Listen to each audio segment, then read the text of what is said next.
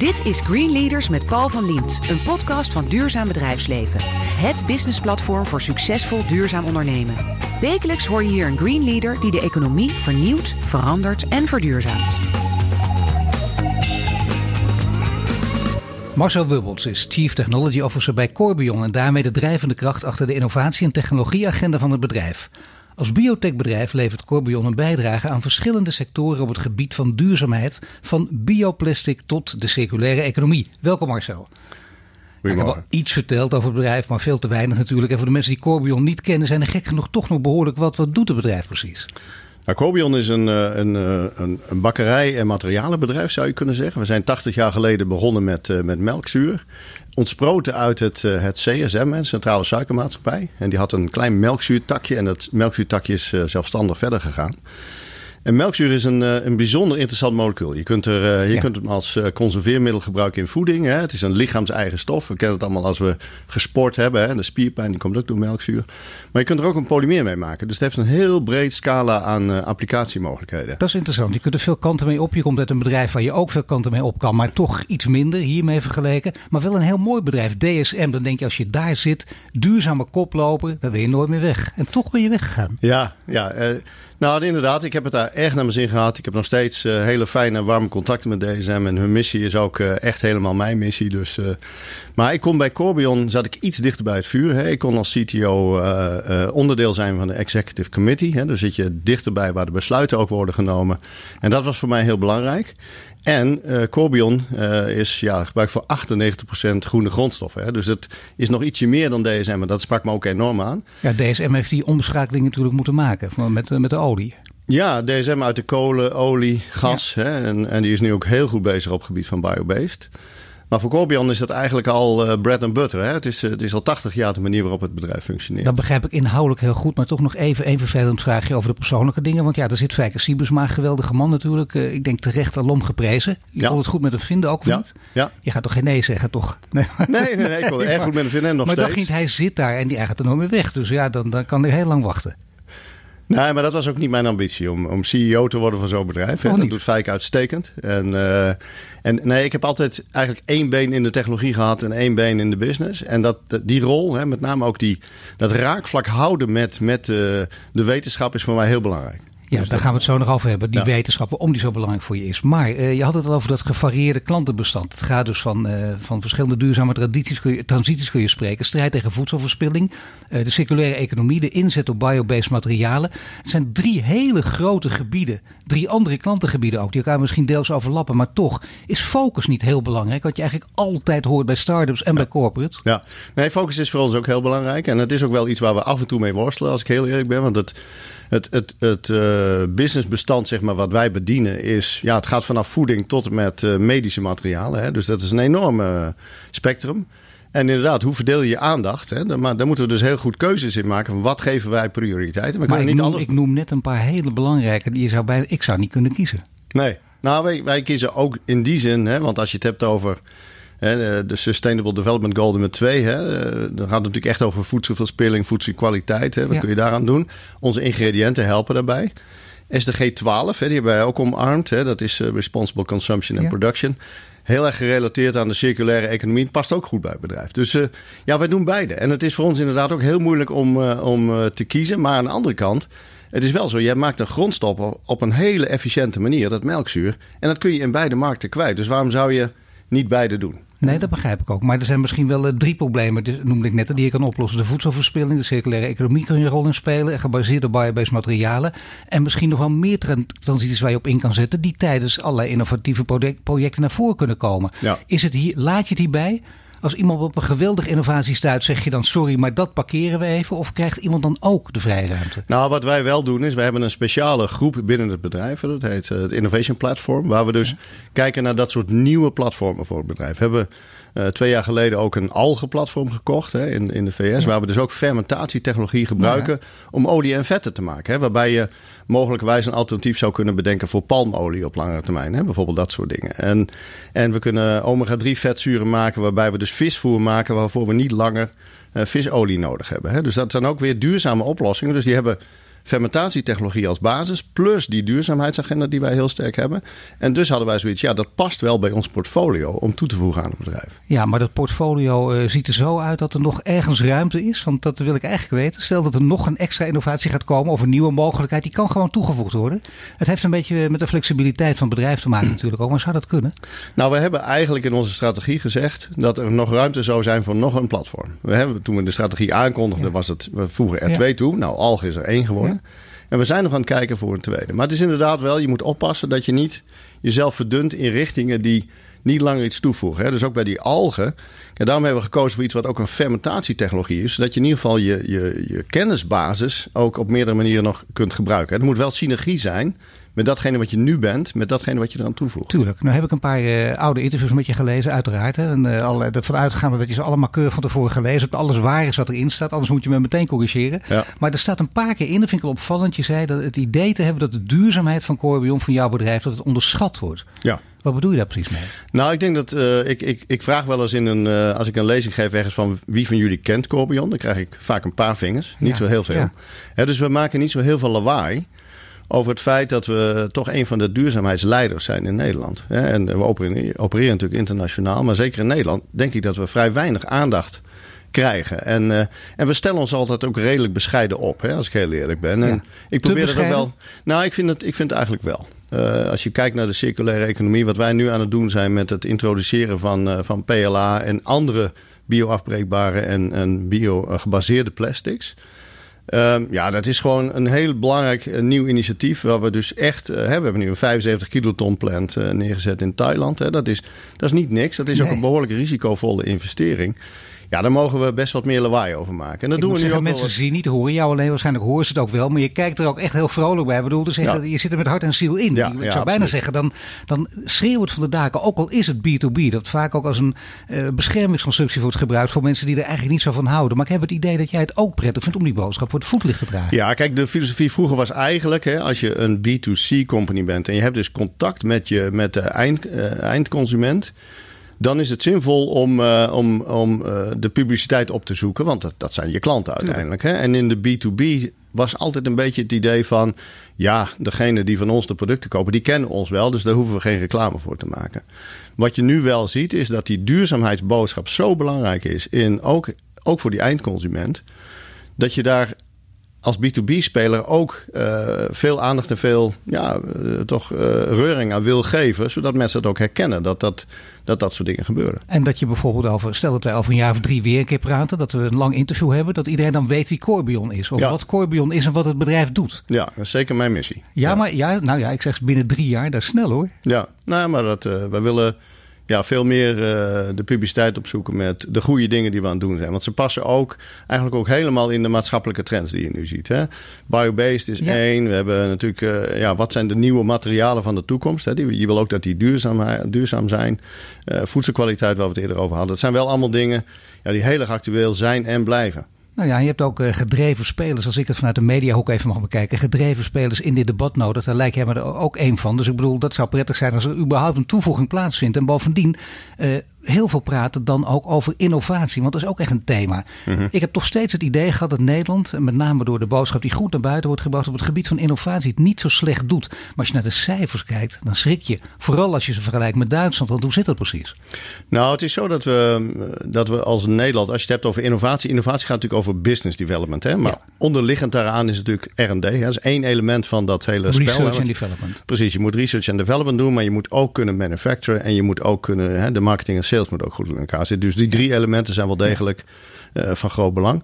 Nou, we geven in Nederland uh, betrek, en dat is, dat is, uh, dat is heel erg teleurstellend, vind ik, betrekkelijk weinig uit aan research and development. Hè? Dus we zitten, we hebben met elkaar afgesproken dat we daar de normen van, van, Bas, van Parijs. Parijs. Nee, het was niet Parijs. Van Lissabon. Lissabon, precies. We zouden de normen van Lissabon volgen. Daar blijven wij bij achter. En je ziet landen om ons heen. Hè. Duitsland gooit daar nog een procent bij. Hè. Dus die doen veel ja. meer dan we hebben afgesproken. Ja, dat is toch bijna te gek. Dat is, dat is een enorm verschil. Hè? 1% ja. daarbij. Dus in absolute aantal is dat enorm veel. Hoe, waar komt dat verschil vandaan? Um, Ja, het, is, het heeft toch met beleid te maken. Het heeft ook ermee te maken dat uh, het, is dus, het is dus zowel de overheid als het bedrijfsleven hè, zou meer moeten doen naar ja, research en development. Dus dat is een belangrijk ding. Desalniettemin zie je nu hè, dat, de, dat de innovatiegetallen, hè, Nederland staat daar goed op, hè, wordt ook vaak genoemd in lijstjes en dan staan we vaak in de top 5. Hè. Dus we doen het erg goed. Maar volgens mij is dat wel een beetje een erfenis uit investeringen in het verleden. En we moeten oppassen dat we die innovatiepositie niet gaan verliezen doordat we nu wat minder doen. Hè. En dat, het is vaak iets wat wat langer nodig heeft. Het heeft een paar jaar nodig voordat je die effecten pas ziet. Maar ik zou een lans willen breken voor het feit dat we toch, hè, en zowel aan applicatie, maar ook de fundamentele research in Nederland, dat we die goed blijven ondersteunen om die toekomst ook mogelijk te maken. Maar bij innovatie hoort ook altijd, misschien is dat wel een reden waarom men toch huiverig is, daar horen ook mislukkingen bij. Het, kan, het een kan niet zonder het ander. Dat slagen, uh, succes en falen uh, liggen altijd dicht bij elkaar, zeker op dit terrein.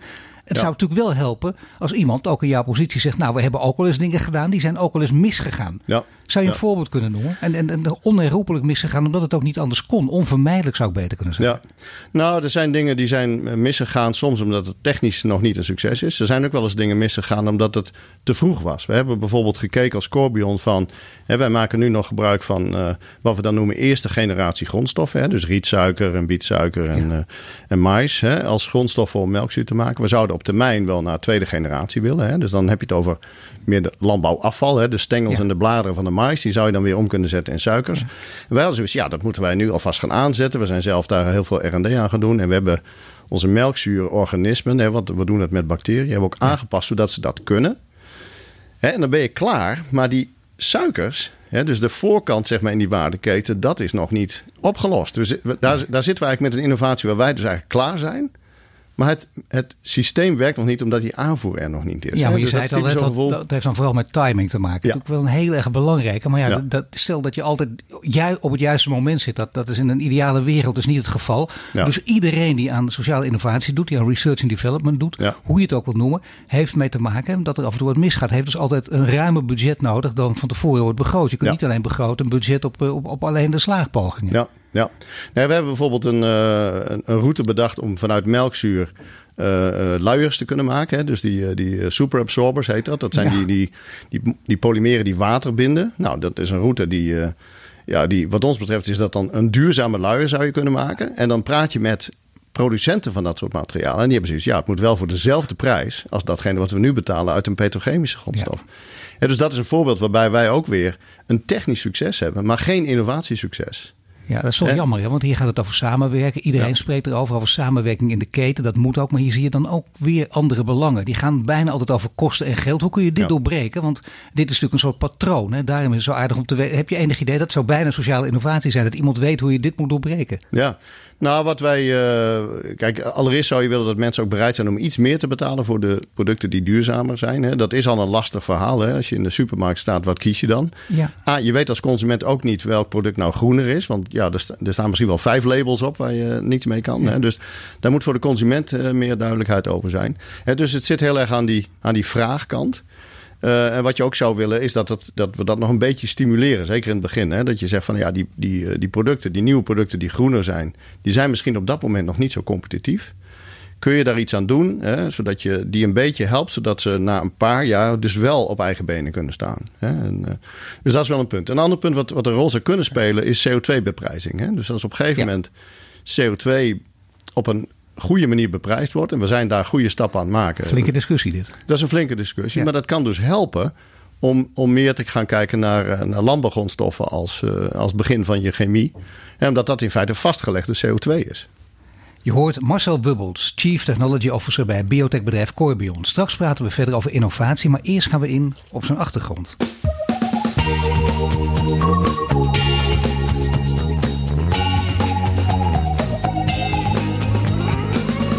Bij mij in de studio staat Marcel Wubbels. Net spraken we vooral over de bijdrage die Corbion levert op het gebied van duurzaamheid. En nu praten we verder over persoonlijk leiderschap. Want ik las iets anders, ook in een citaatje. Dat de eerste vraag die jij stelde toen je bij Corbion binnenkwam, en daar komt die. Hoe ver is Corbion op het gebied van duurzaamheid? Ja. Dat, is, dat is een, een leuke binnenkomen natuurlijk. Waarom meteen, ja, meteen daar de nadruk op? Ja, nou, ik heb, ik heb voor mezelf altijd als eis gesteld... als ik ergens ga werken, wil ik, wil ik wel dat het een duurzaam bedrijf is. natuurlijk, ik kende Corbion al. Hè, en ik wist dat ja. het landbouwgrondstof was. Dus ik, dus ik had wel zoiets, dit, dit zit wel goed. Maar ik wil het gewoon echt eens weten. Dus ik heb uh, Diana Vissers, die is bij ons directeur uh, Sustainability. Ik heb gevraagd van hoeveel procent van onze grondstoffen zijn eigenlijk renewable, hè, duurzaam. Ja. Nou, toen had ze zoiets, oh, dat zou ik eens even voor je gaan berekenen. En die is dus allemaal gaan puzzelen. En die kwam op, op dat moment een bedrag van of, 94% van onze grondstoffen waren op dat moment uh, hernieuwbaar. Ja. Momenteel is dat 98 procent. Dus dat zijn wel van die vragen dat je denkt van ja. ik wil even weten hoe het zit. En dan, en dan wil ik ook niet zeg maar een website en een groen verhaal, maar echt even de details. Want je kunt, uh, ja, er zijn vele bedrijven die natuurlijk fantastische verhalen vertellen. Maar als je dan even inzoomt en zegt wat is daar nou de wetenschappelijke basis van, dan is die soms een beetje, ja, uh, nou niet zo heel erg wel gefundeerd, laat ik het zo zeggen. Hoe komt dat? Nou, ik denk dat we met z'n allen ook, hè, dus de groene boodschap, hè, het is helder dat dat verkoopt. Hè? Dus, dus je, je, je kunt dan verleid worden om uitspraken te doen waar je ja, niet helemaal, uh, wat, wat niet helemaal de nee, waarheid Dat is heel vervelend, die greenwashing. Dat wil je niet. Zeker niet bij dit bedrijf met deze boodschap. Wat ik al zeg, dat met hart en ziel is gewoon waar. Dat is een hele belangrijke. Ik bedoel, als je dat in je hebt, dan wil je het ook zo uitdragen. Dan moet het ook allemaal waar zijn. Dat wil zeggen, dan, eh, dan mag je dus ook uh, inderdaad niet aan greenwashing doen. Maar je wil ook naar buiten brengen. Kijk eens even, dit zijn we. We geven ook het goede voorbeeld. Ja. Die 98 procent, ik wil niet flauw doen, maar moet dat 100 procent worden? Of kan nou, dat gewoon niet? Kan dat niet? Er zijn sommige, wij gebruiken bijvoorbeeld ook zwavelzuur. Hè? Ja. ja, zwavelzuur is heel moeilijk om dat biobased te maken. Dus dat, er zijn gewoon sommige dingen, dat krijg je... zij daar een technologie voor mogelijk is, of is, uh, ga ik nu te ver? Ja, nou... Zeg, mag ik sluit niet uit dat dit... Maar, maar, er zijn sommige... Uh, zeg maar, sommige producten die waarschijnlijker zijn dat ze makkelijk vervangen worden door biobased en andere veel minder. Dus je... Uh, dus daar zit nog wel. Hè, die 2%, ik weet niet of we, of we, dat nog, uh, of we dat nog gaan inhalen. Maar ik vind 98% al een bijzonder goede dat score. Dat zou ik zeggen, dat is een hoge score. Ja. Zit je altijd al in de duurzaamheid? Ik, met andere woorden, zat het er al in bij de hele jonge Marcel Wubbels. Laten we zeggen, de Marcel van 5, 6, 7 jaar oud. Ja, nou, ik ben wel altijd, en dat hebben we van huis, ook, eh, van huis uit ook wel meegekregen, eh, heel erg bezig geweest met natuur en zo. Wij woonden, ik, heb, ik ben geboren in Groningen, ik ben opgegroeid in Leeuwarden. Wij woonden daar aan de rand van de stad en we gingen ook vaak de weiden in. Hè? En uh, met, met, met polstokken inderdaad. En zo. zo. Ja, dus ik ben, ben wel heel veel in de natuur geweest. Ik, ik moet zeggen dat ik zie bij kinderen van onze generatie... zie ik ze veel meer uh, binnen spelen dan buiten spelen. Ja, en dat is, uh, dat is ik vind het aan de ene kant jammer... maar ik, ik, zie het bij mijn eigen kinderen ook wel. Je zegt, je hebt het van huis uit meegekregen. Wat, wat deden je ouders? Mijn, uh, mijn vader was, uh, was kleermaker uh, toen hij begon met zijn, met zijn carrière. Al vandaar dat dat jasje zo goed zit. oh, ja. ja. Nee, maar hij heeft, nou, op een gegeven moment ging de hele textielindustrie weg uit Nederland. En toen is hij omgeschoold tot leraar. Dus hij is leraar geweest op de school voor mode en kleding hier in Amsterdam. En ik moet zeggen, ik ben erg trots op de switch die hij daar gemaakt heeft. Hoor. Dat, is best wel, dat was best wel een ingewikkelde switch. Hè. Dus dat, Zeker in die tijd, dat moet je dat denk ja. ik ook, ja, dat dat heel lastig was. Ja, ja. Veel minder kans ook. Ja, precies. Ja. Ja, en mijn vader die, ja, die kwam uit een gezin met, met zes broers en zussen. Hè. Dat waren van die katholieke gezinnen vroeger. Oh, ja. en, en de oudste twee die konden gaan studeren en hij was ja. nummer drie. Hè. Dus, dan, uh, dus hij heeft altijd wel een beetje zoiets gehad van hij wil dat inhalen. En dus die ambitie had hij wel degelijk. En hij heeft ons ook. Wat, mijn ouders hebben vier kinderen gehad uiteindelijk. En uh, ja, ze hebben ons allemaal ook wel heel erg gestimuleerd om, om te gaan studeren. En, en, uh, en mijn moeder was, ja, die was actief in het huishouden. Dus die was altijd Bijna iedereen van deze generatie. Ja, dat is, ja. in die tijd was dat heel gebruikelijk. Ja. dat, je, dat je er was voor de kinderen. Hè? Dat, ja. Nee, dan ging je nog niet over vrouwen aan de top en, en dat soort nee, discussies. Nee, nee, die speelden totaal niet. Nee, hadden we, waren we er toen maar mee begonnen, denk ik. Dan, waren we nu een stukje verder. Ben je nou aan greenwashing doen over je, over je familie? Dat doen heel veel mensen. Ik denk het niet. Hè? Dat bedoel, je, je lacht er ook bij, je bent vrolijk. Het was een harmonieus gezin. Ja, ja, ja. ja. Ja. Maar heb je wel een beetje van je af leren bijten? Dan? Want als je uit een harmonieus gezin komt en je wil bij zo'n groot bedrijf aan de top staan en straks uh, leiderschap gaan tonen, ja, dan moet je toch ook echt een stootje kunnen. Ja, ja nou, wij waren met z'n vieren eh, thuis. En dat, dat geldt. Die vier kinderen, die hadden, we hadden af en toe wel uh, conflicten met elkaar. Hoor. Dus zo was het zeker wel. En wat ik ook wel heb geleerd is om, om je te concentreren in een omgeving die heel veel, waar toch heel veel aan de hand is. Hè? Want ja, we hadden niet allemaal een eigen kamer. Dus je, je moest al je huiswerk doen terwijl je ja. lawaai hadden van. van hoe, de, hoe deed je dat dan? Dat is een wijze les kan dat zijn. Hoe concentreer je dan? Ja, nou, ik kan mij op een of andere manier heel goed afsluiten als ik, als ik heel geconcentreerd ergens mee bezig ben. Mijn vrouw heeft ook wel zoiets. Als ik een krant lees, dan kan ze van allerlei dingen tegen me zeggen. Maar dat komt dan gewoon niet binnen. Dus dat is. Uh, ja. Nee, ja. Dan hopelijk niet alleen de krant het lezen thuis. nee, nee, nee. Nu, de duurzaamheid, hoe, wanneer kwam dat? Was je, je bent op een gegeven moment ben je 15, 16, 17. In Nederland moet je zelfs al vrij snel je schoolkeuzes maken. En dan zat er toen al iets in die richting of was het nog uh, gewoon ongewis terrein? Nou, toen ik, toen ik begon te studeren ben ik, uh, ik ben organische chemie uh, gaan studeren in Groningen. En, en op een gegeven moment moet je dan specialiseren. En um, toen was de biochemie zeg maar, was net aan het opkomen. Hè? Dus moleculaire biologie, we konden toen net uh, genetische modificaties doorvoeren. Er was echt, uh, nou, enzymen kwamen. Hè? Dus dat was was wel een hele spannende tijd. En die vond ik eigenlijk spannender dan de organische chemie op dat moment. En zullen heel veel organische chemische collega's dat niet leuk vinden. Maar dat geeft niks. Op, op, dat moment had ik zoiets, nou, maar als je dus enzymen zou kunnen gebruiken om katalyse te doen, dan, dan heb je veel minder afval. Hè? En, Even en, enzym, enzymen gebruiken om katalyse te doen. Je, ja. spraakt, je praat hier met een uh, gamma opgeleid iemand. Okay. Dus even... Nou, wat je wil doen is je, je wil stofje A in stofje B omzetten. En als je, ja. dat, uh, als je dat chemisch doet, heb je daar soms een katalysator voor nodig, maar soms ook niet. En je genereert altijd een hoeveelheid bijproducten of afval in zo'n, in zo'n omzetting. En als je enzymen gebruikt, enzymen zijn, hè, die, hebben, die hebben miljoenen jaren van evolutie achter zich. Dus die zijn heel erg efficiënt, die zijn heel erg selectief. Dus die doen dat over het algemeen beter dan, uh, dan uh, de, de traditionele organische chemie. Hè. En toen ik ja, toen ik het studeerde was het al zo, maar toen ik bij DSM ging werken en we maakten daar uh, half je, maakt, je maakt een grote stap ja. nu, want je bent natuurlijk uh, eerst door dit verhaal ook gegrepen door wetenschap. Wetenschap, ja. pure wetenschap, de ja. zuivere wetenschap. Dat heeft ook niet direct met duurzaamheid te maken, ondanks dit voorbeeld dat je geeft. Nou, nee, maar het, het, nou, het is wel zo dat je, uh, om te begrijpen wat er in de natuur aan de hand is en wat je daaraan zou kunnen doen. Hè, dus je, je kunt zeggen, in die tijd werd chemie als de grote probleemveroorzaker gezien en, en ik denk nog steeds wel. Maar het is ook zo dat chemie een deel van de oplossing kan zijn. Hè? Dus uh, zelfs de oplossing moet aandragen. Want het, het is wel de technologie ja. die ons gaat helpen om die duurzaamheid ja, veel in interessantere zienswijze dit ook. Dan meteen het een afwijzen en elkaar verketteren. Hier dus ja. ook weer samenwerking. Ja, want je, kijk, je hebt ook te maken met bestaande infrastructuur. Hè? Je wil ook met z'n allen blijven leven met een kwaliteit van leven zoals die nu hebben. Dus als we in één keer zouden stoppen met organische chemie, dan kan er dus helemaal niets meer. Hè? Dus je, je moet die, die transitie maken. je ziet ook wel, en dat is voor kleinere bedrijven misschien wat makkelijker dan voor grote bedrijven, maar je ziet heel veel bedrijven die maken bewegingen nu van kunnen we niet naast aardolie iets anders gaan doen. En op een gegeven moment wordt dat dan de dominante stroom in bedrijven. En uh, ja, dat is wel een, een hele goede, goede beweging. Was jij een goede wetenschapper? Ik bedoel, ik, ik, ik bedoel het echt even onbescheiden dat je zo moet reageren. Want dat merk je als je begint. Dan denk je, ik vind het wel aardig. Of ik, of ben hier echt heel goed in. Ik, wil niet nou, verder, ik, word hierdoor gepakt. Ja, ik, ik, uh, nou, het is inderdaad moeilijk om te zeggen. Maar ik, het, het, ging wel lekker, laat ik je het zo ziet zeggen. aan de cijfers bijvoorbeeld. ja. Nou, ik, had, uh, nou, ik, heb, ik heb altijd vrij makkelijk kunnen studeren. Ja, ja, ja, ja. En... Uh, en daarna ben ik, uh, ik ben ook uh, naar, naar de ETH in Zurich gegaan als postdoc. En ik heb ook een groep geleid. Dus ik was eigenlijk bezig met een academische carrière. Ja. Ik zag mezelf eigenlijk op een gegeven moment, nou dan ben ik ergens prof. En, dan, uh, ja. en toen, nou, toen we in Zwitserland woonden, toen kreeg mijn vrouw dus geen werkvergunning om in Zwitserland te werken. Dat was in die tijd zo.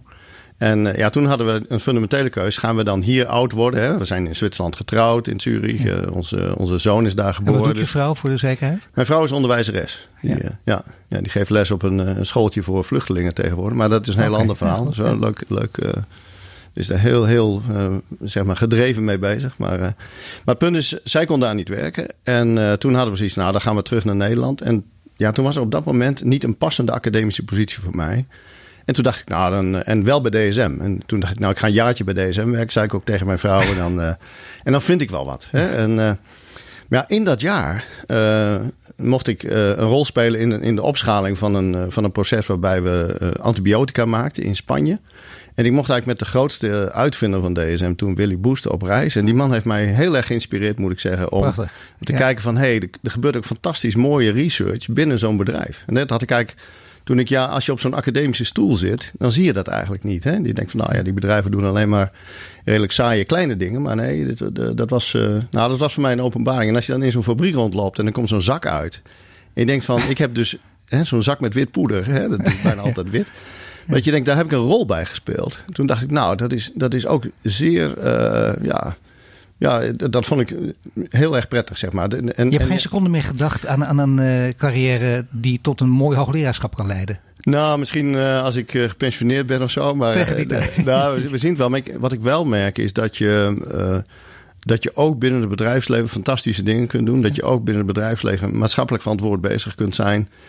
Hè? En ook aan de, de forefront of science, zoals dat altijd zeggen. Dus echt met... met ja, hele nieuwe innovaties bezig Maar we zijn. weten inmiddels bij, zeker de mensen die, die denk ik in onze podcast ook luisteren, begrijpen dat via DSM. Je hebt ook de overgang naar Corbion gezet, dat je helemaal op je plaats bent natuurlijk. En een heel spannende, eh, uitdagende, verschrikkelijk woord, maar het, denk ik op zijn plaats. Hè? Ja. Een prikkelende omgeving, misschien nog beter gezegd. Ja, ja. Dan moet je ook met andere dingen te maken krijgen, namelijk met, met leiderschap. En we zijn in deze serie ook op zoek naar groen leiderschap. Ook al is dat, eh, daar kun je op 30 manieren definiëren. Maar in de zin van groen leiderschap, denk je dat je daar een goede definitie aan kunt geven? Nou, dat is, dat is moeilijk, denk ik. Ik geloof heel erg in inclusief leiderschap. Hè. Ik, ik denk dat je als, je als je mensen de ruimte geeft, dan gebeuren er wonderen. Hè. Dus je, ik geloof niet zozeer in top-down. Dus als jij als baas zegt van je moet dit en dit doen, is veel minder krachtig dan wanneer mensen daar zelf mee komen. Hè. Dus eh, ja, dat je probeert ideeën te laten groeien. eh, Nee, natuurlijk, maar dit is wel te makkelijk gezegd, dat begrijp ik. Maar hoe, hoe creëer je zo'n situatie waarin dat kan, waarin mensen zich dus blijkbaar veilig voelen om eh, ideeën te uiten, dus ook tegen de leiding af en toe in te Ja, gaan? ja. Nou, dat is de uitdaging. Ik vind als, als, ik, als ik merk dat in een groep dat mensen op een gegeven moment grapjes beginnen te maken over de, de leider van zo'n groep, dan doet die leider het goed. Hè? Ja. Dus, je, dus dat vind ik uh, dat is heel belangrijk. En het andere denk Dus ik. ze ja, mogen jou ook in de maling nemen. Oh ja. Hoe dat gaat gebeurt dat ook wel. dat gebeurt serieus? Nee, maar de, ja, nee, maar de, de- Je lijkt me toch ook eh, aan de andere kant een dominante man als het moet. Nou, als het moet, maar ik, ik, ik hou me heel af en toe. Of ik, ja, ik hou me regelmatig echt in. Want ik weet. nou, ik heb, ik heb ook een Nee, aantal van die. een hele goede. van die ja. managementtrainingen gedaan. Waarbij je als je op een gegeven moment inderdaad heel erg dominant, dominant bent in zo'n discussie. Dan verlam je eigenlijk het hele, het hele debat en de dialoog die je eigenlijk wil hebben. En dan worden de ideeën worden jouw ideeën en niet de beste ideeën. Dus eh, Ja, toch zeg je, als ik het even mag, eh, het is volgens mij, het, het klinkt als een open deur, maar het is een enorme wijze les om je dan in te houden. Want vaak Ja. weet je het ook beter, vaak ben je ook gedreven, dan ga je verder, denk je dat je enthousiasme wil overdragen en, Ja. de ander kan, kan helemaal plat slaan daardoor. ja. Hoe, Ja. doe je dat? Hoe doe je dat? Hoe krijg je het voor elkaar? Om je, je gaat er niet van de een op de andere dag, eh, kun je jezelf inhouden. Ja, nou ik heb één keer een, eh, dat is een vrij lang verhaal, maar ik zal het heel kort houden. ik heb een training gedaan op IMD, waar, wij, waar we keken naar, ja het ging sowieso over diversity en inclusion. Hè? Dus van hoe kun je met diverse teams beter, betere eh, prestaties leveren dan met eh, alleen maar mannen of alleen maar vrouwen. En in een van die teams was, eh, ja, moesten we een opdracht doen. En ik heb eigenlijk vanwege mijn wetenschappelijke achtergrond... was ik redelijk dominant in het, in het kiezen van die oplossing. Maar dat was uiteindelijk de verkeerde oplossing. En dat hebben ze, ze hebben dat allemaal gefilmd. En ik werd naderhand voor een groep van iets van 150 man. Hè, werd ik als voorbeeld laten zien van zo moet je het dus niet doen. Nou, eh, en dat kwam inderdaad omdat ik te veel mijn eigen mening heb opgelegd op zo'n groep. Nou, daar leer je echt wel van dat je dat Ja. af en toe dus niet doet. Als je even nadenkt van wie is hier nou eh, het beste in een, in een bepaalde skill. Hè? Want in dat geval kwam het er eigenlijk op neer dat degene die eigenlijk het best opgeleid was om dat probleem op te lossen, was een native English speaker. Dus echt iemand die Engels als zijn moedertaal had, want die had de opdracht echt goed begrepen en al die anderen niet. En die Ja. competentie die hij had, had ik eigenlijk dominant moeten laten zijn in zo'n besluit. En dus Ja. niet zelf. En dat is heel belangrijk. Maar geweldige les, ook dus met de harde confrontatie, want dat is nogal wat. Dat begrijp ik heel goed. Ja, Ja. 150 mensen die dat zien en eh je staat gewoon voor joken dan even. ja, eigenlijk wel. Ja, en dat, dat eh, vergeet je ook nooit meer. Nee, precies, dat is het daar. Nee, maar het andere punt, hè, want dat is, dat is leiderschapsstijlen, zeg maar. Het andere punt natuurlijk, hè, je hebt het over groen leiderschap. Ik denk dat dat alleen kan als je het ook vanuit je hart voelt. Hè, als het echt oprecht is. Zeker. En, en dat heb ik wel heel sterk. En dat herkennen mensen ook wel. Ja, de authenticiteit. Ik Ja. denk helemaal in deze tijd, zeker jongere generaties, is, wer- werkt dat, merk je dat ook? Want dat merk je bij DSM, merk je dat ook al. Maar merk je dat ook bij, bij Corbion? Dat, Ja. dat jonge mensen daarom makkelijker bij jullie gaan werken? Ja, nou, we hebben het zeker. We, we, hoort, eh, we, we vragen natuurlijk mensen van waarom ben je, heb je voor Cobion gekozen? Hè? Dat is vaak het innovatieprofiel, maar bijna altijd het duurzaamheidsprofiel van het bedrijf. Hè, En ook waarom blijven mensen bij ons werken? Waarom voelen mensen zich fijn bij ons? Eh, Heel veel mensen hebben, en met dat duurzaamheid hebben ze gewoon iets. We hebben ook toen we de strategie-update hebben gedaan, toen hebben we ook gezegd duurzaamheid wordt een, een kernthema in die strategie. We hebben na de hand een soort eh, enquête gedaan eh, met onze medewerkers en die mochten dan aangeven wat spreek je het meest aan. Nou, dat was ook 80% of zo, zei die duurzaamheidsagenda, dat is echt iets wat, wat de mensen verbindt bij ons. Ja. Aan het woord is Marcel Wubbels, Chief Technology Officer bij biotechbedrijf Corbion. Net spraken we over duurzaam leiderschap en over zijn achtergrond. En zo praten we verder over het belang van innovatie.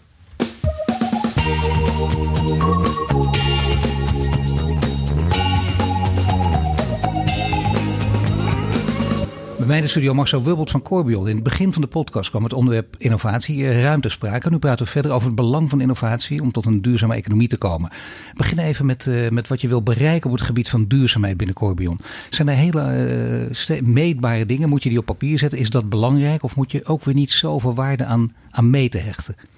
Nou, het is, het is, wel, het is wel belangrijk om, uh, om milestones te hebben en ergens naartoe te bewegen. Dus ik, ik denk dat meten wel heel belangrijk is. Je moet wel het juiste meten. Dus wat wij net gedaan hebben, wij hebben ons aangesloten bij het Science Based Targets Initiative. Dat is net, uh, ik geloof dat het vandaag bekendgemaakt wordt. Dat had eigenlijk gisteren gemoeten, maar dat is vandaag uh, gebeurd.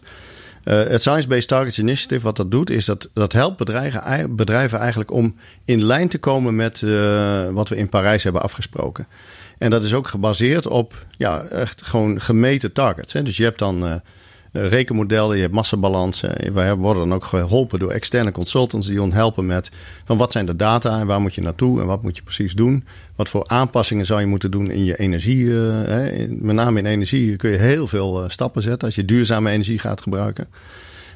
duurzamere grondstoffen. En dus wij weten eigenlijk precies aan welke uh, knoppen we moeten draaien om uiteindelijk die targets in Parijs te ja, maar je staat niet in je eentje. En dat ook in een B2B-wereld, ook als je de boodschap zoals jij wil voor, voor het voetlicht uh, wil, wil, wil dragen, naar buiten wil brengen, ook voor een grote publiek bekend wil maken. Het is een maatschappelijk debat onderdeel ervan wil worden.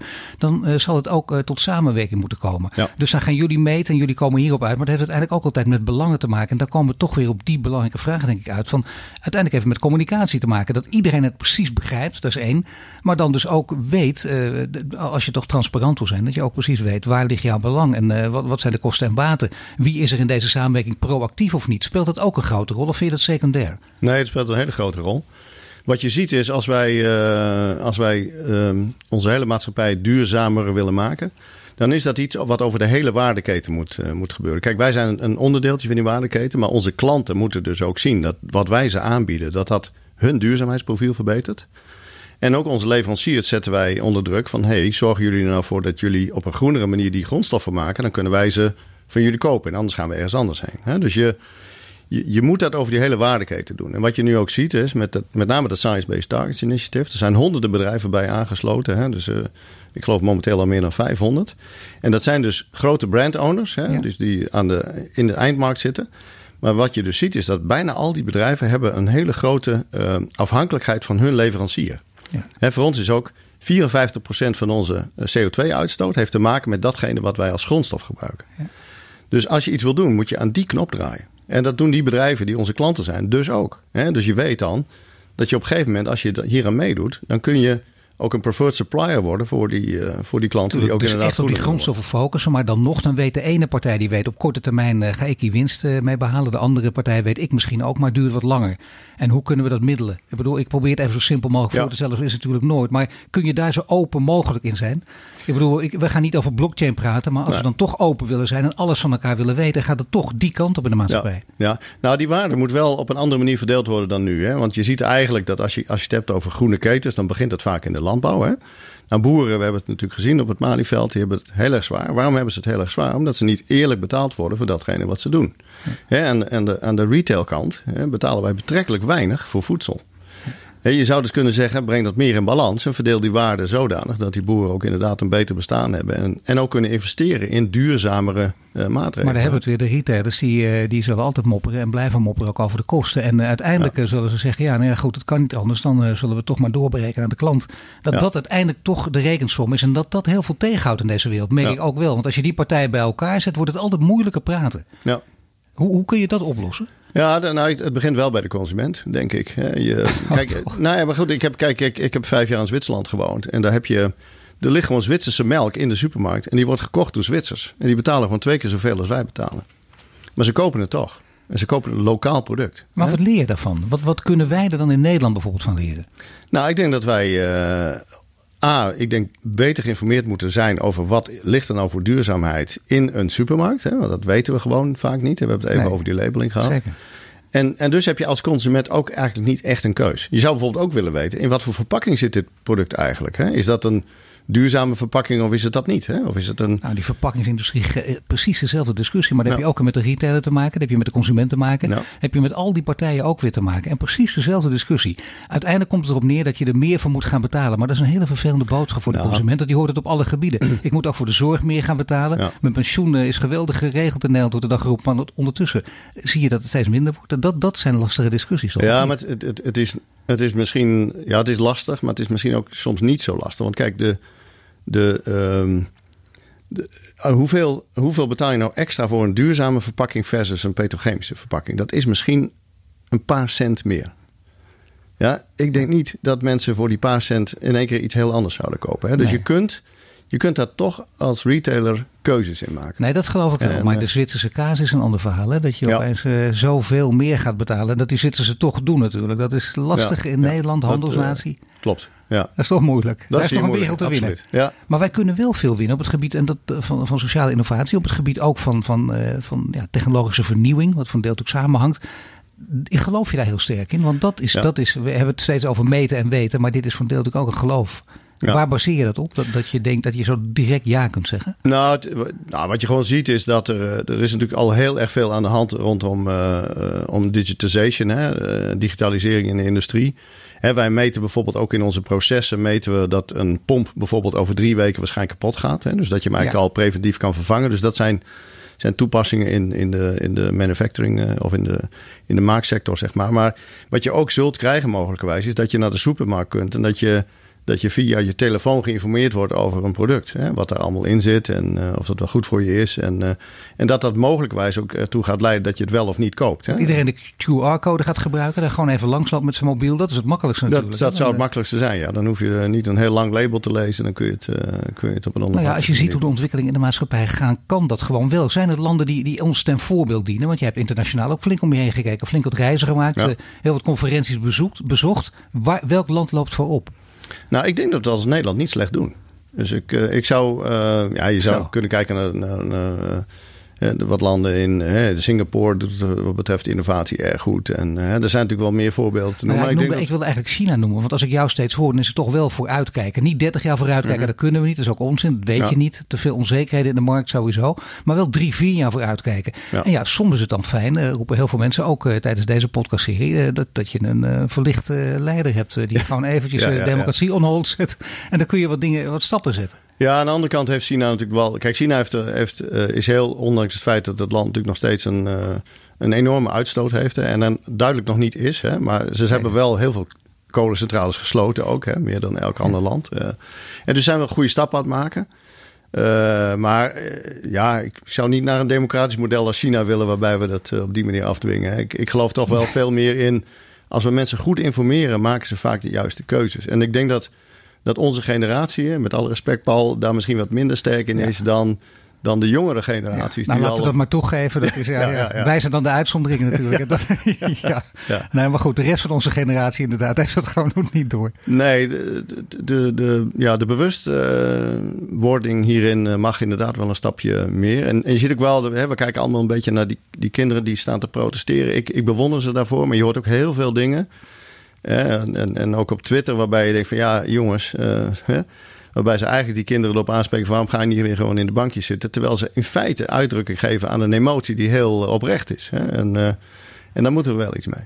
Ja, en uh, in Nederland dus, maar toch ook nog even naar China. Want uh, ja. we mogen uh, de heer Siebersma van Fijker Siebersma van DSM niet vergeten. Die natuurlijk ook adviseur is van de ja. Chinese regering. Ja. En dat soort dingen worden ook vaak onderschat. Dat, dan zie je dus dat die werelden wel degelijk bij elkaar kunnen komen. Tuurlijk zeg jij terecht, logisch. We willen niet, niet het model van China. Dat kan niet. We leven gelukkig in een democratie. Maar toch, die rol die Siebersma vervult. Is dat iets waarvan je denkt, dat juich ik toe, dat wil ik zelf ook te zijn de tijd? Nou, ik, heb, ik heb niet de statuur van Siebersma. Maar ik, wat hij aan het doen is hè, met adviseren van de Chinese overheid, maar ook hè, de discussie leiden bij de Wereldbank om te kijken hoe kunnen we CO2 ja. uh, beter beprijzen, zodat we die veranderingen gaan zien.